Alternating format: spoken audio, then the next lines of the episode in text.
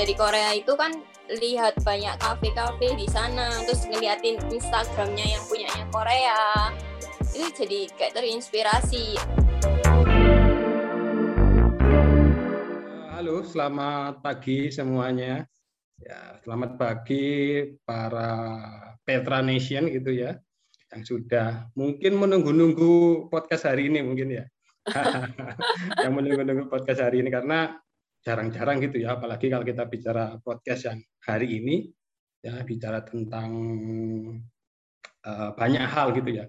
Teman-teman tahu sendiri atau Petra Nation tahu sendiri bahwa di podcast ini yang pasti banyak apa ya kalau saya boleh katakan itu pasti banyak banyak ilmunya banyak banyak sharing yang diberikan oleh mungkin boleh kalau saya katakan bintang tamu mungkin ya begitu ya. Bintang tamu yang pasti para alumni yang pasti juga mereka yang sudah sudah uh, punya bisnis ya, yang pasti bisnisnya mereka juga sangat berbeda seperti itu. Oke baik uh, rekan-rekan atau teman-teman Petra Nation kalau dengar Korean Cake mungkin teman-teman opo sih itu? Makanya hari ini kita undang ahlinya. Ya kita kita ajak sama-sama sharing sama-sama berbagi kepada kita opo sih itu apa itu Korean uh, decoration cake seperti itu baik uh, tanpa berpanjang lebar gitu ya mungkin uh, saya boleh dibantu ya dibantu dibantu memperkenalkan diri ya bintang tamunya hari ini itu siapa Ya, monggo, siapa ini? Yang cantik jelita pastinya. Ya. silakan, silakan. Halo Petra Nation, saya Anastasia Silvana, owner dari Ekeku di Instagram. Ya, ya. Jadi teman-teman bisa bisa pasti pasti bisa lang, bisa lihat langsung lah yang pasti. Ya, uh, beliau adalah Anastasia Silvana. Ya, yang pasti masih muda, ya, masih cantik. Yang pasti kalau namanya masih muda pasti cantik juga. Dan yang tidak kalah pentingnya adalah eh, saya panggilnya Tasi aja ya. Iya. Ya. Karena ya. biasanya kebetulan saya ini adalah salah satu dosennya Tasya dulu. Tasya adalah alumni kita, makanya ya kita lebih enak panggil Tasya saja. Ya. ya yang pasti Tasya ini adalah anak generasi muda, anak muda yang sukses Ya, kalau kita lihat di era pandemi saat ini kan banyak banyak mungkin banyak bisnis yang dalam tanda kutip agak turun gitu ya. Ya, tetapi Anastasia ini mampu ya, mampu membuat peluang itu, mampu menciptakan peluang yang eh, akhirnya menjadi sebuah bisnis yang kalau saya boleh katakan tren ya sekarang ini. Ya, mungkin saya sedikit boleh sharing sebentar ya Tasya ya. Yeah. Saya coba share share foto teman-teman ya. Sebentar ya. Saya akan share foto. Baik, uh, mungkin sudah terlihat tas ya? Belum. Oh ini Belum, ya? sudah. Oh ya, teman-teman, Petra Nation, ya ini ya kebetulan gitu ya, kebetulan pada waktu minggu ini itu, itu saya itu ya dan pas juga saya tuh kok keinget Tasya gitu ya keinget Tasya saya lihat Instagramnya uh, beliau juga kok ada apa ya, sesuatu yang menarik gitu ya ada sesuatu yang apa ya ada sesuatu yang aneh gitu loh dari dari karyanya dia sehingga akhirnya saya putuskan untuk memberikan sesuatu kepada istri saya ya, sebuah cake yang buat sama Tasya ya saya upload, ya pastilah saya akan pasti akan upload. Kalau menarik pasti saya akan upload itu. Saya upload di media sosial dan ternyata Tasya yang tidak saya kira gitu ya, tidak saya sangka juga itu ternyata ini foto ini sama beberapa video yang saya upload itu mengundang berbagai macam pertanyaan. Ya, salah satunya adalah teman saya dulu, ya, teman saya dulu pada waktu saya masih S1 gitu ya itu bertanya sama saya di, di komentarnya. Kalau manggil saya itu Mas, teman saya tadi itu Mas, cake-nya cake apa itu Mas? Kok beda ya? Kok menarik ya? Nah, ya mungkin para Petronation atau teman-teman juga melihatnya kok beda ya daripada cake-cake yang lainnya. Ya, saya matikan dulu. Daripada cake-cake yang lainnya. Plus banyak komentar juga memuji Pak kok bagus cake-nya. Siapa yang buat Pak? Sampai begitu. Pasti Pak Agung yang buat lah gitu kan. Ada beberapa alumni juga yang ngomong, waduh saya tuh nggak punya waktu untuk membuat hal seperti itu. gitu. Akhirnya saya, ini loh, kalian boleh boleh lihat di, di uh, uh, Keiku ya, betul ya Tasya ya. Iya, yeah, yeah. Ya, Instagramnya di Instagramnya Sisi Tasya. Lihatlah di situ. Ya, habis itu ya banyak komentar juga, oh iya Pak, menarik. Nah, dari situ Tasya sebenarnya itu uh, apa ya? Sebenarnya ide bisnisnya untuk memulai karir menjadi seorang apa ya wirausahawan atau bisnis owner itu apakah sudah kepikir dari dulu ya hmm. Tasya? Makasih sebelumnya loh Pak. Sama-sama. Bantu promosi. Jadi kalau untuk kepikiran wirausaha sendiri sih enggak, soalnya kan lebih ke kayak nanti nerusin mama aja kayak gitu. Soalnya kan mama juga sudah punya toko bakery sendiri. Jadi uh, mungkin saya bisa jadi generasi selanjutnya seperti itu. Awalnya nggak ada sama sekali kepikiran untuk mau buka cake all shop sendiri itu nggak ada. Hmm, oh berarti Tasya ini juga sebenarnya ada bisnis uh, keluarga juga ya? Iya punyanya untuk, orang. Untuk pastry sama bakery ini juga berarti begitu ya Tasya? Iya benar. Nah selanjutnya begini Tasya, uh, bagaimana Tasya punya ide membuat apa ya sebuah cake decorating yang modelnya kayak saya kalau boleh katakan kayak apa apa istilahnya itu tas ya? Oh, ilustrasi, orang, ilustrasinya ya. ilustrasi gitu. ya. Kayak ilustrasi itu idenya dari mana awal mula uh, awal mulanya kan uh, lihat-lihat kan memang suka Korea saya pak. Nah. Terus uh, sempat Eh, karena kuliah di Petra juga, terus kan bisa exchange ke luar negeri juga untuk ambil magang sama belajarnya. Jadi saya ambil yang di Korea itu. Terus dari Korea itu kan lihat banyak kafe-kafe di sana, terus ngeliatin Instagramnya yang punyanya Korea. Itu jadi kayak terinspirasi. Oh, pingin ya punya kayak bikin-bikin cake all shop yang simple-simple gini, bagus terus ya udah waktu selesai skripsi itu kan juga bingung nggak bisa apply ke mana-mana. Hotel pun juga uh, nggak buka lowongan juga. Terus akhirnya ya udahlah coba aja ini dengan support mama juga kayak mama juga bantuin ini cake-nya kayak gini kayak gini. Kan mama lebih ngerti juga. Terus hmm. uh, akhirnya setelah trial error beberapa bulan oke okay lah uh, resepnya oke okay, terus gambarnya juga udah mulai oke okay, terus akhirnya buka gitu ya ya oh, oh berarti Tasya ini pada waktu dulu studi di Petra di, di program perhotelan ini sempat uh, belajar di Korea pada waktu magang ya begitu ya Tasya ya iya selama satu berapa tahun. bulan berarti Tasya satu tahun di Korea Iya, satu, satu tahun ya betul ya atau enam yeah. bulan ya? Iya. Jadi uh, karena pada waktu itu Tasa di Korea melihat kondisi atau melihat peluang yang terjadi di Korea, makanya Tasa punya kepikiran ide membuka bisnis ini, begitu ya? Iya. Plus, nah setahu saya kalau tidak kalau tidak salah bisnis ini bisnis yang eh, cake-nya Tasya ini itu dibuka pada waktu pandemi betul ya Tasya ya? Benar. Tahun lalu, September tahun lalu. September oh September tahun 2020 betul ya? Iya. Apakah apa gini? Ya saya nggak punya apa ya. Kenapa sih ide itu muncul buka bisnis itu pada waktu pandemi? Hmm. Nah, nah, padahal kalau kita ya memang dunia perhotelan pada waktu kita bicara pandemi ini kan memang sudah masih masih lesu. Hmm. Apakah gara-gara itu juga atau memang karena popular popularitas Korea yang hmm. yang yang sekarang lagi membuming itu jadi jadi tolok ukur juga buat Asia. Coba ceritakan Asia. Hmm, ya keduanya termasuk sih Pak. Yang pertama ya karena Korea di Indonesia kan lagi booming banget.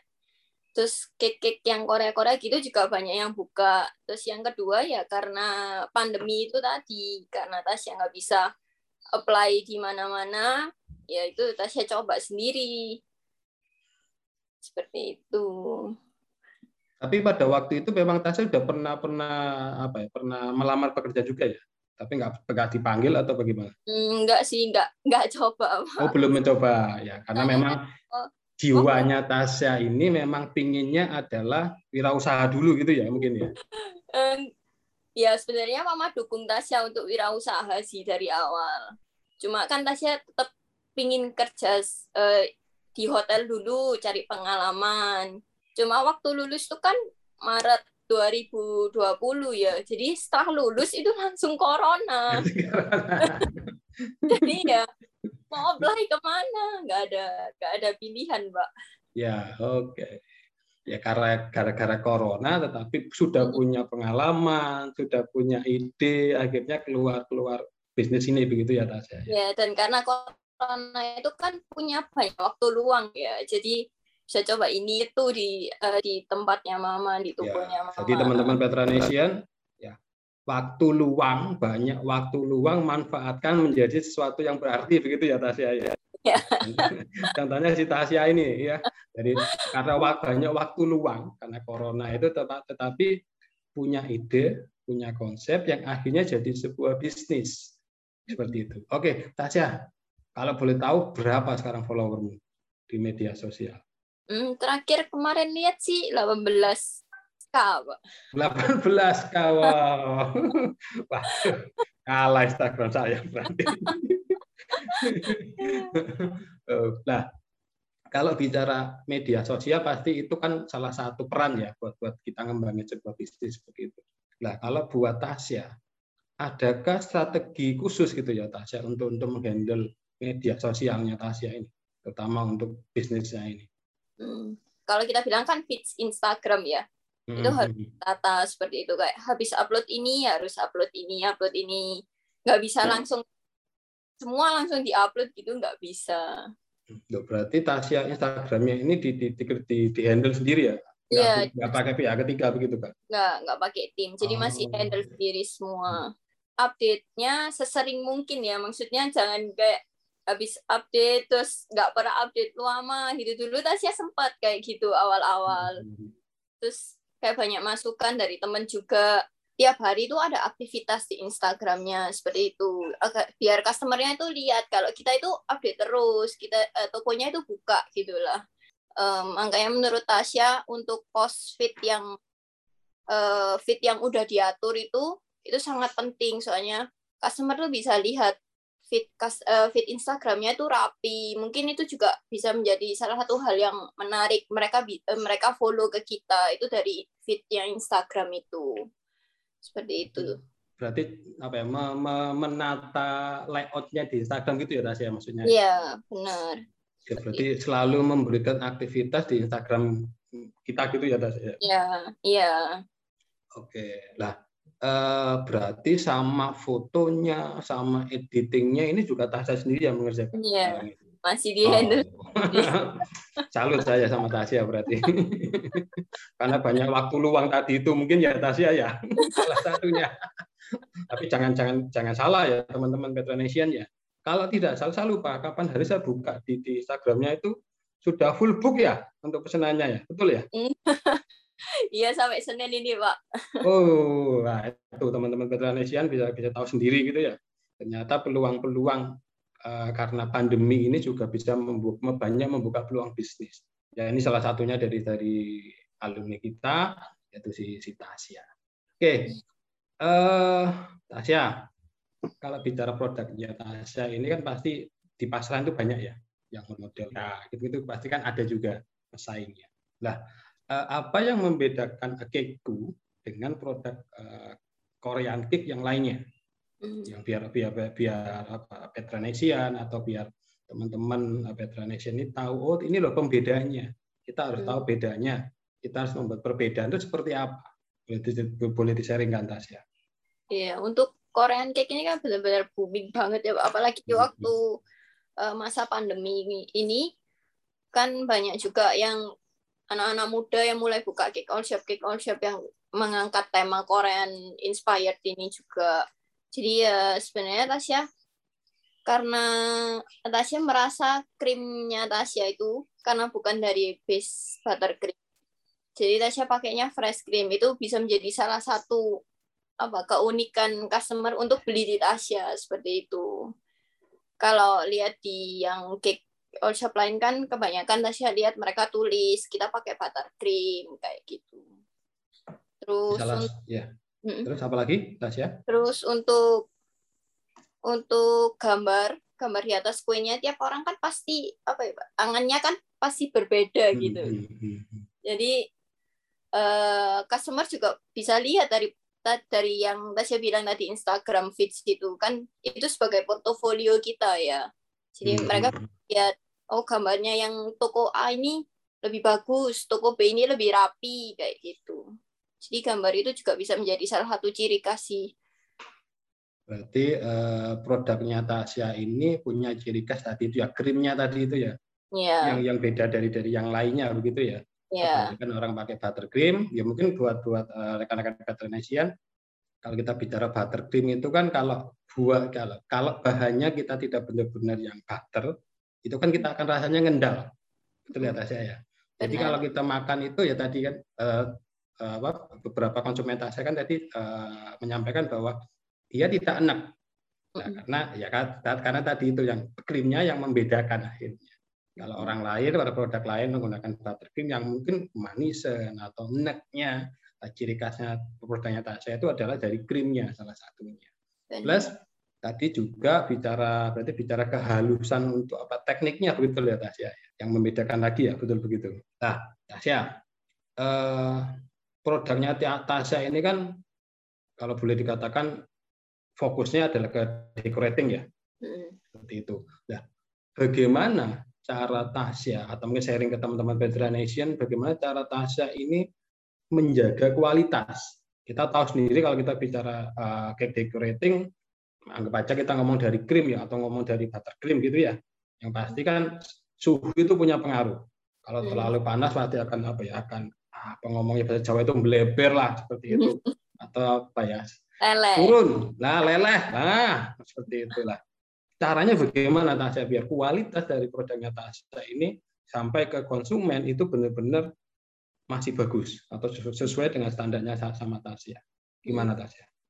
Um, kalau uh, contohnya kalau yang leleh itu kan cuaca di Indo itu panas ya Pak. Jadi ya memang hmm. harus banyak uh, trial error sendiri dari kayak uh, karena Tasya handle sendiri tiap hari kan jadi tahu kayak ciri khasnya. Oh krim ini nggak bisa kalau kayak gini krim ini nggak bisa kalau kayak gini jadi kalau sekarang ini kan cuacanya lagi panas jadi diakalin gitu cari akal misalnya krimnya nggak nggak di mix sampai mengembang banget jadi kayak dia agak setengah cair gitu hmm. jadi biar nanti dia bisa stay di suhu ruang itu lama terus bisa dipakai eh, kalau dipakai baru dikeluarin dari kulkas kayak gitu yang ya. sisanya yang nggak dipakai tetap simpen kulkas Ya, berarti Tasya ini apa, istilahnya mencoba berbagai macam merek betul lah, gitu ya Tasya ya. Iya, iya. Sampai benar-benar ketemu satu merek yang pas dengan kondisi yang ada di di Surabaya atau paling nggak di Jawa tropis kaki tak gini ya berarti ya. Iya.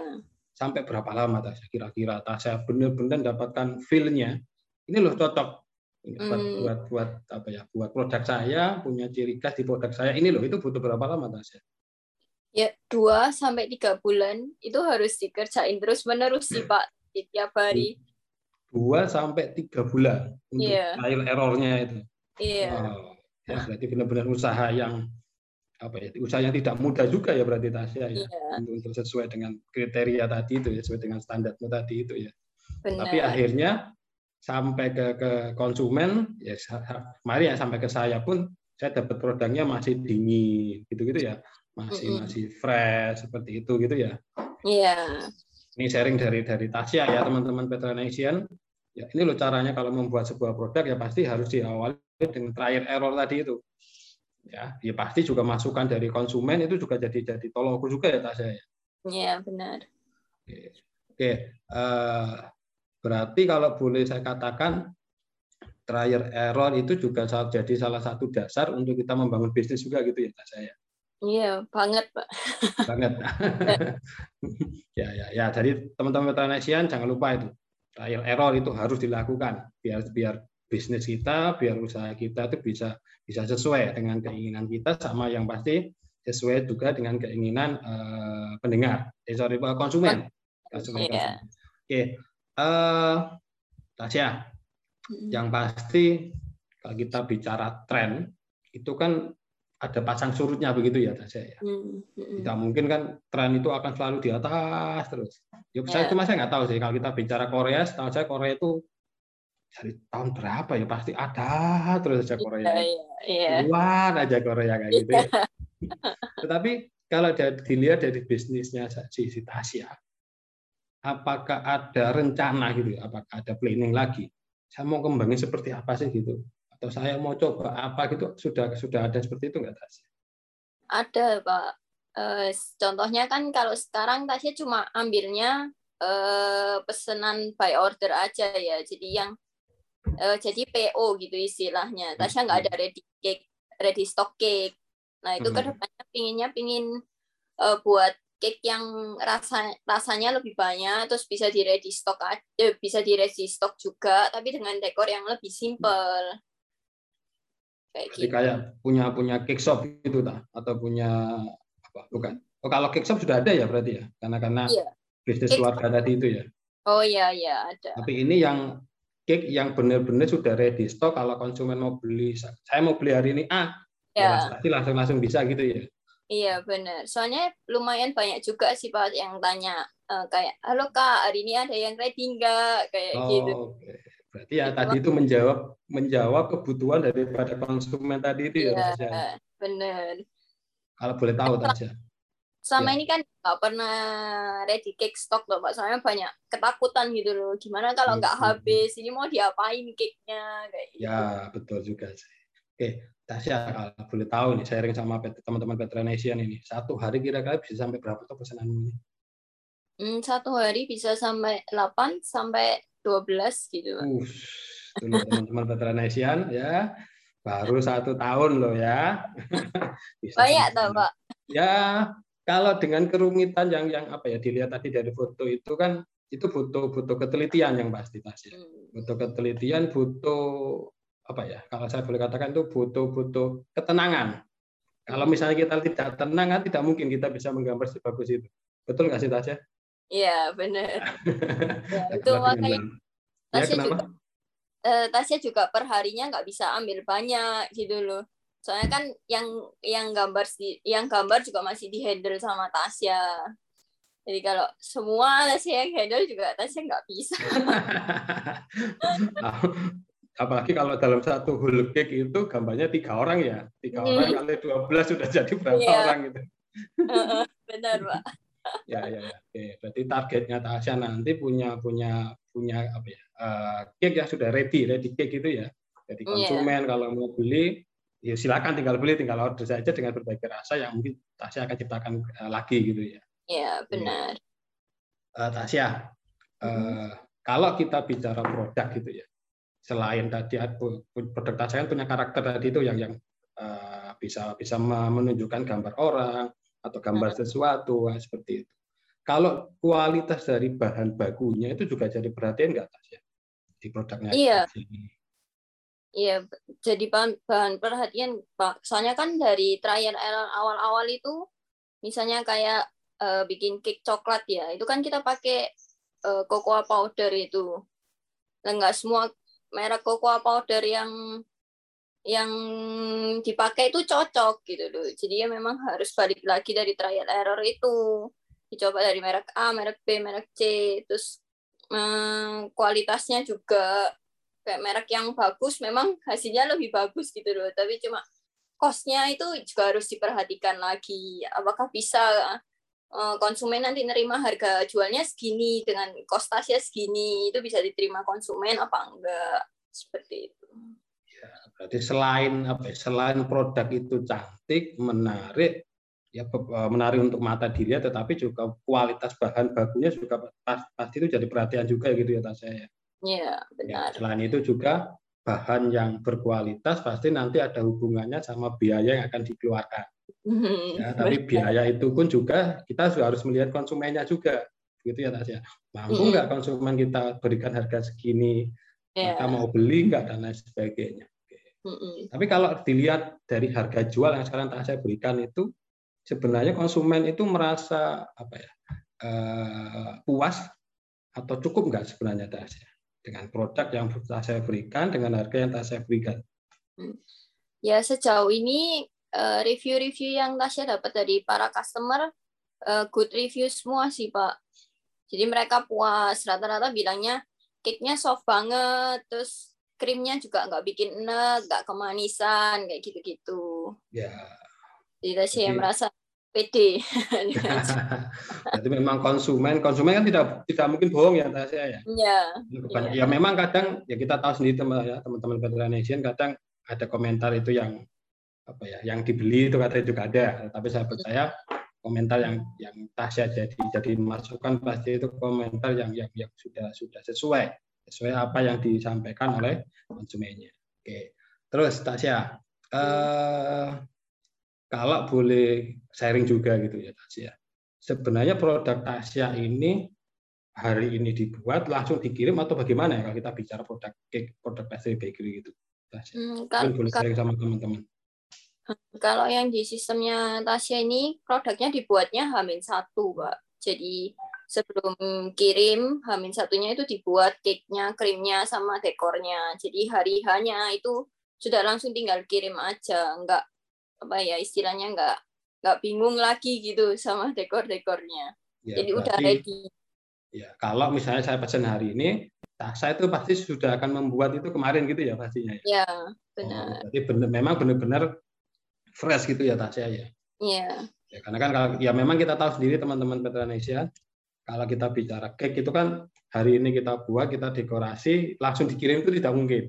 Ya, berarti butuh-butuh penyimpanan lagi, butuh didinginkan lagi biar dia stabil, baru di, disampaikan kepada konsumen. Ya, Benar. Itu, memang itu ciri khasnya kalau kita bicara bicara pastry sama bakery. Tetapi mm -hmm. kalau Hamin satu, kalau saya boleh katakan itu memang masih segar, masih fresh, masih bagus. Kalau uh, berarti kalau produknya Tasa ini sampai berapa lama tahannya? kalau sudah sampai ke konsumen? Hmm, tahannya eh, pernah cobanya sih 3 sampai 5 hari, Pak. Itu tergantung penyimpanan kos eh, ke customer lagi ya. Soalnya kan kalau misalnya disimpannya dalam box itu bisa sebenarnya lebih dari lima hari. Cumanya Tasya nggak menganjurkan karena takutnya rasanya itu sudah berubah dari yang awal. Berarti gitu. tiga dua sampai tiga hari kalau lemari masuk ke, ya. lemari pendingin best, gitu saya. Ya. Nah, best konsumnya tiga hari di uh, disimpan di kontainer tertutup dan di dalam kulkas. Ya, oke. Okay. Oke, okay. lanjut lagi sharingnya, Tasya. uh, yang pasti kalau kita bicara tren ya, tren saat ini ya. Kalau saya kan di, di media sosial kan banyak, salah satunya di YouTube itu kan ya, uh, banyak tren Korea itu yang jajanan-jajanan jalanan itu pinggir jalan kayak gitulah. Tasya apakah tidak mau juga ngambil itu juga? Contoh kayak twister, contoh oh. kayak apa ya, bombolini gitu-gitu kan sekarang juga lagi lagi banyak sekali di Korea seperti itu. Hmm. Ada kepikiran ide itu enggak Tasya?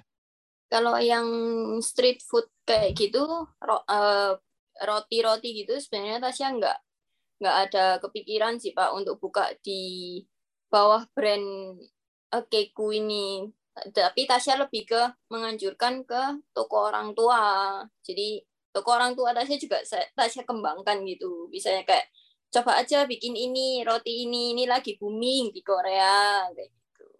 Berarti memang uh, Keku ini memang Tasya khususkan gitu ya? Tidak, iya, tidak street food tadi itu ya memang begitu ya? Iya, lebih khusus ke cake sih, Pak. Ya, ya. Oke, Oke Tasya. Tasya hmm. ini kan uh, alumni di dari hotel manajemen ya? Iya. Uh, tahun 2015 ya, betul ya? Benar. Ya. Oke, Tasya, boleh sedikit ceritakan sama kita atau para hmm. Nation atau mungkin para para para pendengar para ya yang, yang melihat podcast kita ini. Hmm. Sebenarnya uh, proses pembelajaran yang yang ada di Petra, yang ada di program uh, hotel manajemen itu bisa menjadi dasar nggak sih, menjadi pondasi kamu nggak sih untuk membangun sebuah bisnis jadi wirausaha gitu menurut Tasya? Hmm, ya sangat bisa ya menurut Tasya. Soalnya kan uh, dari semester 1 sampai 3 itu bakal diajarin ekonominya. Terus semester 4 sampai 7-nya itu bakal fokus di perhotelannya. Jadi uh, mulai semester berapa ya? Empat ya mulai praktek-praktek uh, itu. Kita juga banyak belajar tentang prakteknya hal-hal dasarnya. Itu banyak banget yang dipelajari. Terus untuk di dalam semester 4 sampai 5 juga diajarin tentang teorinya. Gimana cara costing gimana cara handle makanan yang baik, gimana, eh, terus belajar tentang HACCP juga. Banyak banget yang dipelajarin di perhotelan ini. Tapi yang paling berkesan waktu exchange itu sih, Pak. Waktu makan tadi itu, waktu di, di, di Korea tadi itu. Ya. ya. Berarti Petra juga itu menyediakan peluang untuk untuk untuk teman-teman yang yang eh, sekarang lagi studi itu untuk untuk bisa makan di luar negeri juga begitu ya Tasya ya? Iya, bisa Dan banget. kalau ya kalau menurut Tasya, hmm. kalau uh, Tasya bisa belajar ke luar negeri itu banyak hal yang didapat nggak sih sebenarnya? Kalau peluang di luar negeri jauh lebih banyak ya Pak. Soalnya kan di sana tinggalnya juga sendiri, cuma sama teman. Jadi bisa belajar mandiri, apa-apa dilakuinnya sendiri. Terus kayak kalau uh, di kasusnya Tasya, kalau di Korea kan memang nggak weekend itu dapat hari libur gitu. Itu bisa dipakai waktunya juga untuk mau explore di negara itu, belajar uh, tentang makanan di sana ataupun budaya di sana, ataupun bisa juga ngambil les juga sih di sana. Tasya lakukan itu akhirnya di sana. Kenapa? Ambil les atau belajar. Tasya akhirnya lakukan iya. proses pembelajaran lagi nggak di sana? Iya, jadi selain yang exchange di kuliah yang di sana Tasya juga ambil les juga di tempat lain. Jadi ya ya pas ada di negeri orang, yeah. selain belajar budayanya juga ya Tasya juga belajar pestrinya juga berarti di sana gitu ya? Iya belajar. Tasya ambil les cake waktu itu di sana. Jadi kan oh. lumayan banget Pak. Jadi bisa ya, ya. jalan-jalan, ya. bisa belajar, terus pulang bisa usaha. Jadi uh, peluangnya itu banyak sekali yang bisa didapat gitu ya Tasya ya. Selain apa, belajar ya teman-teman Petranesian atau para yang sekarang lagi studi juga pasti mereka juga akan bisa melihat peluang banyak peluang di sana. Ya plus juga mereka bisa banyak belajar juga seperti Tasya tadi itu ya. Kayak belajar cake decorating tadi itu ya Iya. Benar. Oke. Okay. Uh, Tasya, uh, Tasya berarti kurang lebih berapa satu tahun ya betul ya? habis satu tahun ya di, Korea ya. Jadi belajar yeah. di belajar bahasanya dulu, habis itu belajar di di hospitality-nya, betul begitu ya? Iya, Tasya ambilnya tapi yang resto, Pak. Oh, yang resto, ya. ya. Nah, saya pada waktu ambil apa belajar tadi itu yang yang kursus tadi itu di depan atau di belakang akhirnya Tasya? Pada waktu Maksudnya? yang belajar bahasa atau pada waktu yang sudah proses magangnya tadi itu? Gimana? Hmm, kalau yang belajar bahasa itu sebenarnya kan dari Petra juga Petra sudah menyiapkan ya, Mbak. Kan hmm. Petra semester semester awal itu uh, bisa pilih mau belajarnya Mandarin atau Korea atau apa ya, sebenarnya Prancis ya. Yeah. Itu ya, dari awal di Petra sendiri pun sudah disiapkan. Ya, Tasya sudah Tasya sudah ambil waktu itu bahasa Korea sampai tiga level. Nah, itu terus akhirnya exchange ke Korea itu. Terus exchange ke Korea itu sebenarnya bisa pilih juga mau ambil yang uh, apa tuh studinya yang mau masak aja, yang kuliner aja, atau mau ambil yang bahasa dan juga kuliner. Bisa pilih waktu itu. Terus Tasya pilihnya yang kuliner aja. Tapi tetap dapat sih bahasanya yang uh, kelas dasarnya tetap dapat. Iya. Ya berarti ya. Oke. Terus Tasya, kalau berarti Kekui ini kan sudah kurang lebih satu tahun ya, betul ya Tasya ya? Kan pasti hampir banyak, satu tahun. Hampir satu tahun. Banyak, ya pasti ada kendala pasti. Nah, boleh sebutin ke kita nggak atau sharing ke kita sebenarnya kendala yang paling apa ya? Yang paling besar itu apa? Kalau kita bicara bisnis makanan, apalagi pastry bakery, apalagi online. Tasya itu apa? Boleh di-sharing ke kita? Ya kendalanya uh, yang paling besar sih waktu awal-awal buka ya, Mbak. Itu kan krimnya Tasya ada ada krim cheese-nya. Itu krim cheese-nya nggak mau nggak mau menyatu gitu loh, kayak kasar terus. Soalnya Tasya ini bingung. Hmm. aduh ini mana masuk kasih ke customer kayak kasar banget krimnya jelek jelek lah ininya itu bingung banget. Terus uh, awal-awal pun masih kasar sih pak. Kayak ya kecil-kecil banget sih tapi memang. Terus uh, terus akhirnya nemu itu uh, nemu caranya gimana supaya itu nggak nggak kasar lagi. Akhirnya oke okay, jalan lancar-lancar. Terus mulai berdatangan customer-customernya yang uh, apa ya istilahnya ya ada yang cerewet juga. Cuma kan ya customer tetap harus dilayani dengan baik ya jadi ya tetap sabar menghadapi customer-customer. Terus pernah juga ada masalah waktu itu Tasya salah catat order tanggalan. Itu aduh kayak gak bisa pikir lagi pak. Jadi harusnya misalnya orderannya untuk tanggal 27 Tasya catatnya di tanggal 28 jadi ada yang ready sampai siang-siang itu masih harus bikin cake masih harus bikin krim lagi demi ngejar orderan oh. itu jadi ya lembur untuk orderan yang itu berarti uh, kendala-kendala tadi itu memang harus benar-benar di, di, disikapi gitu ya Tasya ya. Iya. Nah, berarti kalau misalnya apa ya, Tasya itu berusaha untuk akhirnya untuk apa ya, kalau saya boleh katakan tertib gitu akhirnya ya. Mulai iya. mencatat segala macam harus harus apa ya, Bu harus di di di replay ulang gitu berarti ya. Iya, iya. lagi gitu ya. Iya. Tujuh tanggal 28 pasti tanggal 28 begitu ya Tasya. Iya catat orderannya aja rechecknya sampai dua kali pak saya juga kan masih di handle sendiri jadi hmm, hmm, hmm. bisa bisa langsung ketahuan gitu loh kalau salah hmm. berarti adminnya harus benar-benar harus benar-benar apa ya harus benar-benar teratur gitu ya Tasya kalau sekarang ini iya iya nah, kalau ini Tasya yang pasti kan komentar dari dari konsumen itu kan pasti banyak ada yang positif ada yang negatif Nah, bagaimana Tasya untuk menghandle itu? Apakah selalu apa ya? Selalu dibalas gitu loh. Kan pasti ada mm-hmm. orang pasti ngetek foto ya. Mm-hmm. Contoh saja kemarin saya kasih foto, saya pasti kan ngetek di Instagram, yeah. kayak itu misalnya seperti yeah. itu. Itu apakah selalu Tasya berusaha untuk membalasnya? Atau yeah. bagaimana? Iya, Tasya pasti uh, Tasya pasti balas sih, Pak. Soalnya menurut Tasya itu kayak apa ya? pasti customer juga seneng gitu loh kalau misalnya ditanggepin. Soalnya Tasya kalau sebagai customer pun digituin juga seneng. Jadi Tasya bakal uh, repost itu fotonya terus Tasya chat chat pribadi di direct message-nya Instagram itu kayak thank you ya udah tag kayak gitu. Gimana? Cocok gak sama kuenya? Tanya-tanya review kayak gitu. Ya, ya. Berarti uh, ya meskipun positif negatif pun saya akan selalu berusaha untuk untuk membalas tadi itu ya. Pasti, ya, pasti kan balas. Ya, oke, itu catatan lagi buat teman-teman Petronesia. Ya, konsumen itu salah satu apa ya? Salah satu uh, hal yang penting untuk kita jaga. Ya baik buruknya ya tetap kita harus apa ya, berusaha untuk memberikan informasi, harus berusaha untuk berkomunikasi apa ya dua arah. Ya, tidak mungkin kita hanya menjual barang saja, tetapi kita tidak memberikan informasi kepada mereka. Oh ya, yeah. satu lagi mungkin buat veteran Asian ya. Saya melihat satu keunikan lagi dari dari produknya Tasya ini.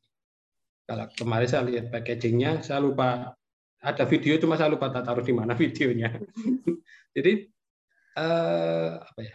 Waktu apa ya produknya Tasya datang itu kemasannya itu bagus dan disertai apa kemarin kalau salah disertain kayak saya lupa ada pitanya terus hmm. ada keterangan segala macamnya. Betul ya Tasya ya? Ini yeah, harus disimpan bagaimana yeah, ini dimakan yeah. buat berapa lama lah. Ya, ada cara kenapa Tasya sampai punya punya kepikiran sampai sedetail itu Tasya um, Tasya sebenarnya nggak tahu ya bahwa customer tuh bakal langsung bisa melihat tulisan itu atau enggak itu Tasya sebenarnya nggak tahu. Cuma ya kita sebagai tokonya sebagai apa ya sebagai yang menjual produk juga harus ngasih info yang benar gitu untuk produk kita ini gimana sih cara penyimpanannya agar customernya itu juga uh, makannya juga tetap enak di hari besoknya itu hal-hal yang harus diperhatikan sih memang.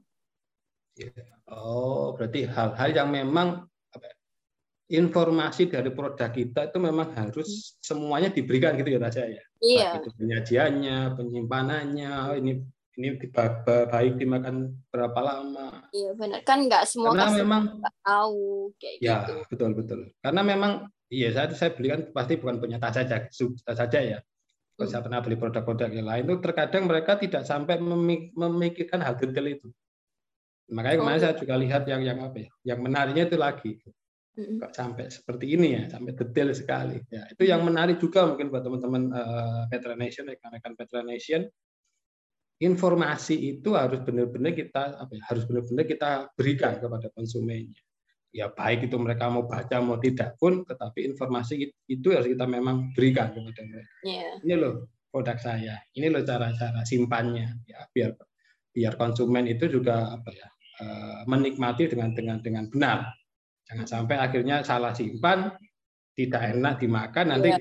kita yang dikomplain ya, atau Tasya yeah. yang komplain nantinya. Koketnya udah nggak enak ya besoknya gitu. Ya. Oke, oke.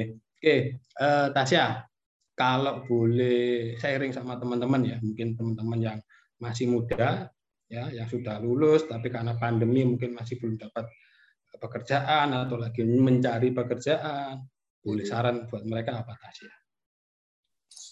Ya sarannya sebagai Tasya yang juga lulusan corona. lulusan corona. Iya. ya sarannya sebenarnya banyak explore ya pak.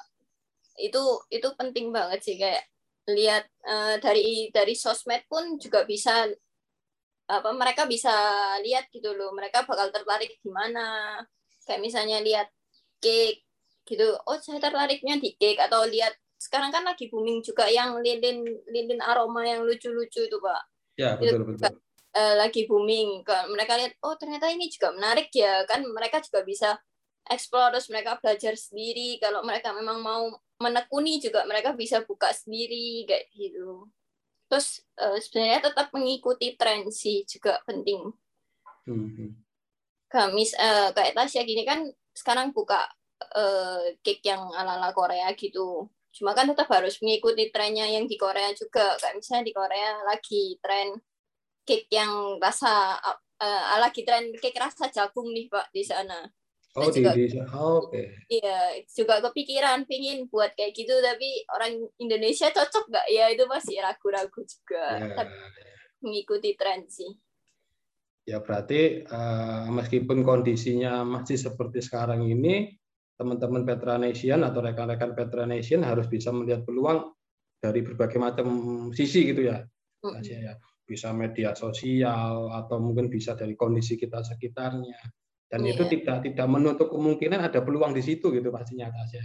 Yeah, Apalagi teman-teman Petra Nation sudah dibekali di bangku perkuliahan di Petra yang pastinya. Mm. Ya, saya tadi saya cerita juga tadi itu tidak hanya belajar bagaimana membuat produk, tetapi Tasya juga diajari bagaimana memanagenya. Ya, tadi Tasya cerita yang ilmu-ilmu ekonomi tadi itu ya. Berarti benar-benar dipakai sekarang ilmu ekonominya Tasya. Iya.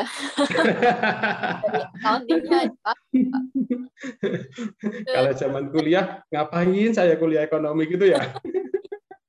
Terus praktek-prakteknya juga ini sih diterapkan juga dalam tim Hmm. Kan hmm. praktek di perhotelan kan ini tuh Pak yang bikin kafe itu hmm. itu sangat diterapkan sih. Ya. Dan memorable banget. Jadi si Tasya ini masih merasakan uh, eh, MOH ya, MOH ya betul ya Tasya? Iya, MOH. Ya. Ya.